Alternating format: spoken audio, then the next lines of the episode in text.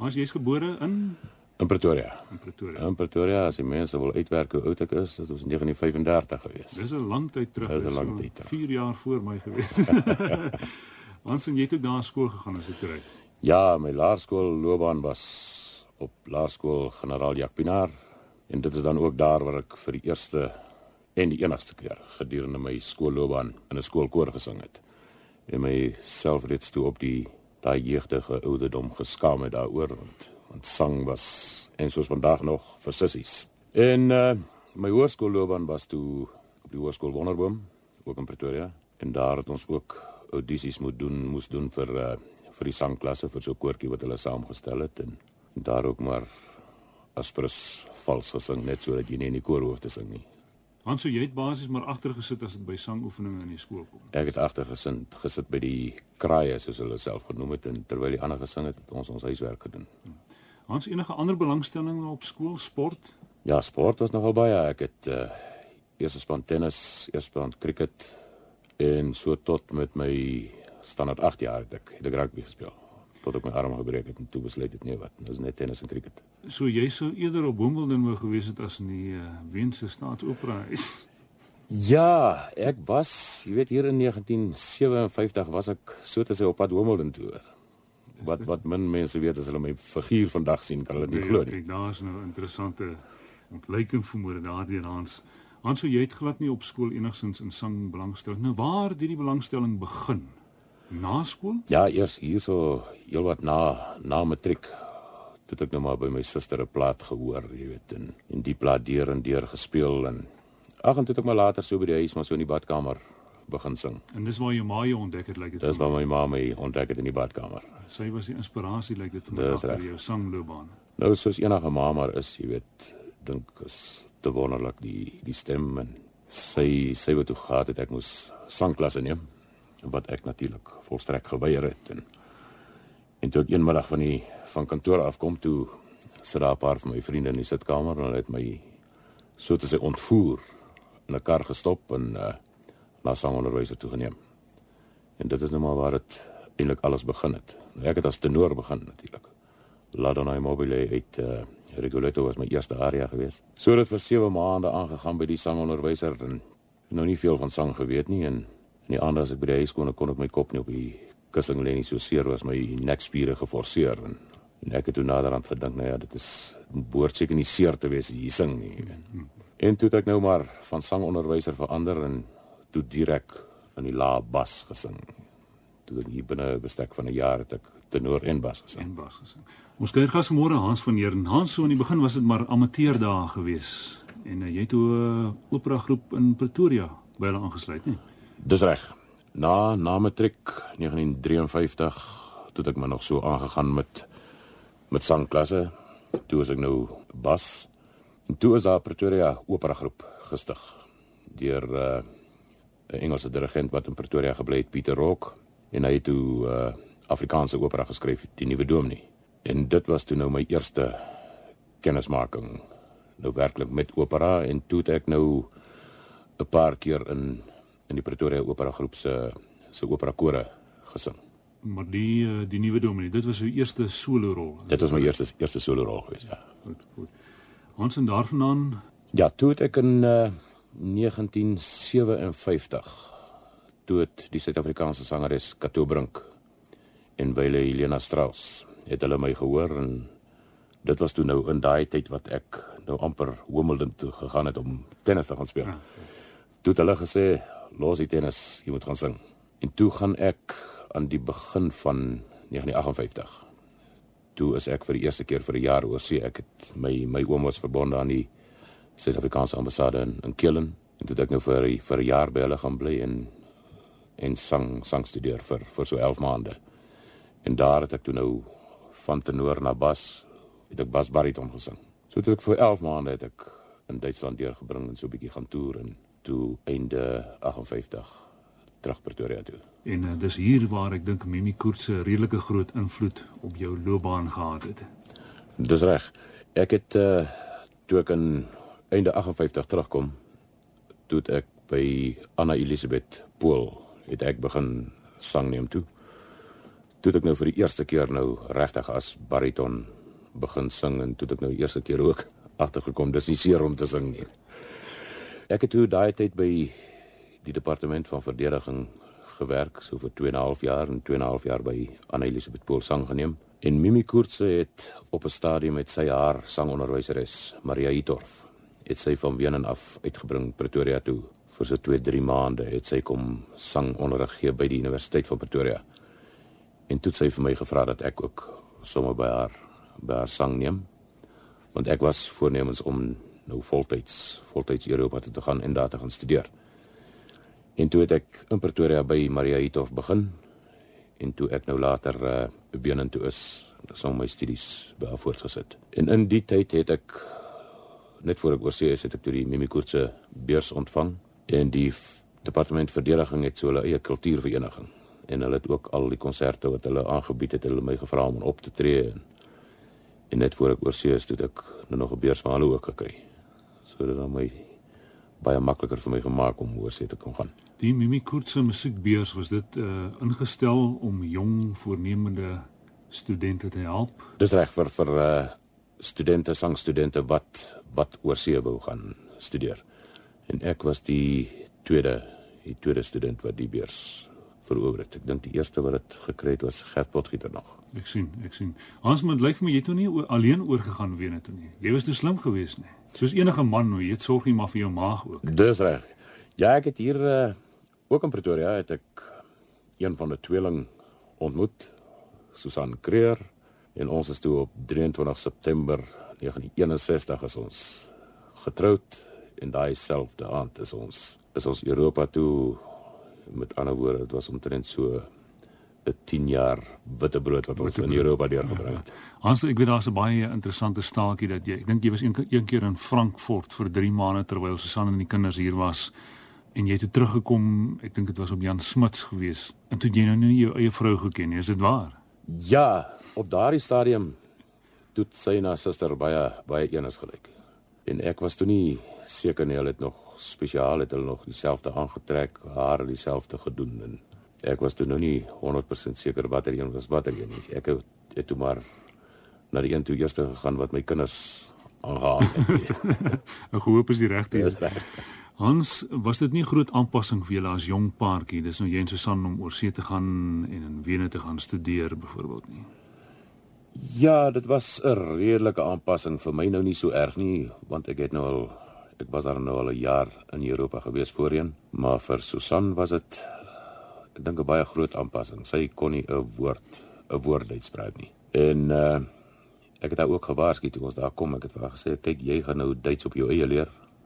Ek sal so die eerste 3, 4 keer sou ek saam met jou winkels toe gaan om inkopies te doen en van daar af moet jy maar uh self sien kom klaar." En daar was natuurlik baie staaltjies en uh floppies wat sy gemaak het, jy weet, wat ons vandag vandag natuurlik oor lekker lag, maar dit was van ons beste tye gewees daar die hmm, hmm. studiejare. Jou uh, leermeesteres wil ek amper sê daar Maria Maria Hidorf. Ja. ja, dit is soos ek gesê dit was Mimi Kurtse se sangonderwyseres ook. En ek het toe ons nou in Benen kom toe ek nou net my studies by haar voortgesit. Dit was nou privaat, privaat sanglesse gewees en uh toe ek ingeskryf by die Weense Akademie waar ek nou die opera opera skool besoek het waar jy nou leer hoe om te beweeg op die verhoog. Ag en nog talle ander vakke soos swart geveg, teater, dans, musiekgeskiedenis en nou aangesien ek al so 'n bietjie ondervinding van opera gehad het in Suid-Afrika, was ek nou gelukkig genoeg om in die laaste 18 maande van die kursus geplaas te word. Dit was 'n 7 jaar, is 'n 7 jaar kursus. Oeh, oeh. En toe was ek nou in die laaste 18 maande geplaas daar. Ons ek dink een van jou groot deurbrake het gekom na net hoeveel 3 maande in in Wene toe jy hierdie oproep gekry het. Ja, nee, dit was 2 weke. Of 2 weke. 2 weke. Ja, ek het uh, net voor ek omtrent 2 maande voordat ek Europa toe is, het ek in Lucia de Lammermoor gesing in Pretoria. Die, die basrol gesing waar Raimondo. En toe ons so 2 weke in Wenen was toe kry ek eendag 'n oproep van van Graz se operahuis af. Toe sit uh, die Suid-Afrikaanse bariton George Fourie wat op die foon is en hy sê vir my luister jy moet vanaand moet jy in Graz Raimondo kom sing. 'n jong student glad natuurlik nie is geglo nie ek meen is daar gesteer nie en hy toe naderhand vir vir my Koortse op die foon want hulle het albei in die opera opgetree. En Mimi het ook vir my gesê, kyk, dit is waar wat George gesê het, jy moet vanaand kom sing. En ek het vir hulle gesê, man, ek dink 2 maande laas gesing en ek het hom in Engels gesing julle sing hom in Duits. En toe naderhand toe die direkteur van die opera is op die foon. En toe hulle afgelei het, toe toe sê ek vir Susan Jong, ek sou nou maar hier onder gaan wag. Mimi het gesê sy stuur 'n vriend van haar, stuur sy van Graz af met 'n motor om my te kom oplaai en my Graz te vat. Toe het Susan gesê kyk ek glo dit nie maar ek sou nou maar hier onder gaan staan en wag daar so in die in die wind en die sneeu. Ek net my reënjas aangetree. Ek nie eens nagklere, nie eens 'n tandeborsel skeer goed saamgevat nie. En hulle het opgedaag daarso en die ou het my opgelaai ons is Graz toe. Ek het nie eens 'n partituur gehad nie. Ek kon nie eens my my die Engelse woorde nagaan nie. En ons gery ons net so kort voor die opvoering by Graz gekom en vat hulle my na die dirigent toe. Ons so vinnig so 'n bietjie van die musiek deur gegaan. Ek het maar die Engels nog gesing, gesing wat ek kon onthou. En toe het hulle my gou gevat vir 'n kostuumpas en toe vinnig net af na die repetisie repetisiesaal toe. 'n bietjie deur die bewegings gaan, so 'n bietjie stem opgewarm, en toe is ek op die verhoog. Haas nou hoe voel dit? Ek meen jy was in daardie stadium baie onervare, jy was jonk geweest, sou jy dit vandag weer doen? Ek sal dit vandag weer doen, maar ek dink ek dit sal gepaard gaan met verskriklike senuwees. jy weet, daai tyd is jy jonk, jy dink jy is die wêreld se beste sanger. En dat dit absoluut niks aan my gemaak nie. En tog na die tyd uh, staande ovasie in die in die mense was Ja, die mense oor die oor mense rol. het mal gegaan. Ek kyk hulle het nou nie ek sal nie sê dit is nou oor ek nou spesifiek so fantasties gesing het nie. Maar ek het eintlik die opvoering vir hulle gered, jy weet. Ja, ja. As as dit nou nie vir my was nie sou daai sou daai aand nou nie opvoering kon wees nie want hulle kon nêrens 'n bas kry om die rol te vertolk nie. Ja, dit weer so jy het in Engels gesing en die res Ek het in in Duits Engels- gesing. Hulle in Duits ja.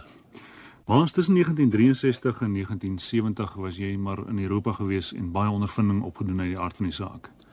Ja, ek het uh, terwyl ek aan die akademie studeer het, toe het ek my eerste kontrak gekry na nadat ek audisies afgelê het by die operahuis van Bonn. En net voor ek in Bonn moes begin het, toe het hulle in Ulm het hulle 'n seisoen gehad van Othello. En hulle wou 'n jong sanger, 'n jong bariton het hulle gesoek en hulle toe na die akademie toe gekom en ons was omtrent so 40 baritons wat audisies gedoen het. En ek was toe gelukkig genoeg om die rol van Jago te kry. En daarna is ek toe vir 2 jaar by die operahuis van Bonn en van daar af 3 jaar Wiesbaden toe wat ek dink my beste opera jare in Europa was was die 3 jaar in Wiesbaden en daarna vir 2 jaar in in Frankfurt.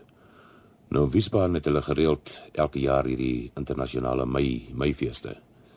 En daar het ek geleentheid gekry om saam met die wêreld so groot sangers op te tree. Het ek onder andere in Othello het ek Iago saam met uh, Mario del Monaco gesing en Arabella saam met Lisa de la Casa en Anneliese Rothenberger en nog 'n ander Othello saam met Sena Jurinac en saam met Rudolf Rudolf Schock gesing. So ek het daar baie kans gekry om met met die wêreld sangers deurmekaar te raak. Ons die goed leer Duits praat daar.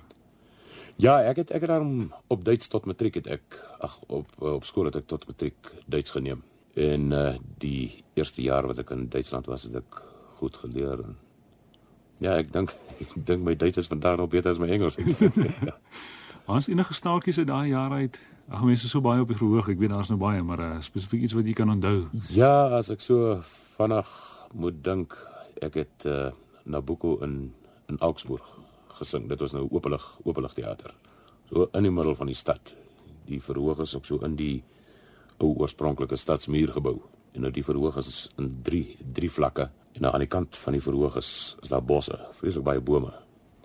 En nou met Nabucco se binnekoms het ek op 'n perd, op 'n perd aangekom. Dit was so 'n perd van die van hulle polisie. Baie mak perd, maar nou het hulle 'n figurant gehad wat wat die perd lei so die hele voor die verhoog gesê omtrent 50 meter lank. Nou lei die figurant my op die perd verby so tussen die orkes en die verhoog deur. Hmm. En dan aan die ander kant van die verhoog moet ek nou afklim en met die trappies opgaan as die regie nou net so mooi uitgewerk as ek van die perd afgeklim het en ek kom bo dan moet ek begin sing. Ag ek het nou gedink dit sal nou baie indrukwekkender wees as as Nabucco nou self op die perd kom en niemand lei hom nie. Hmm. Ek het die aand toe vir die figurant gesê hoor jy nou gaan wag jy vir my aan die ander kant van die verhoog as ek nou daar kom met die perd dan vat jy net die perd en ek klim af. Ja. En daai deksel se aand het die perd besluit hy gaan nie stop nie. En hy het op 'n so drafstappie gegaan net my by die verhoog verby in die bosse in aan die ander kant en het tyd geword vir my om te sing en geen mikrofone naby nie en, en ek moes maar gil uit die bosse uit jy ag naderhand die koor begin lag en die orkes het begin lag en dat hulle heeltemal moes gestop het en my my deel van vooraf moes gedoen het. Hierdie keer weer met die figurant voor aan die berg. As jy kinders is ook oorsee gebore, is dit reg?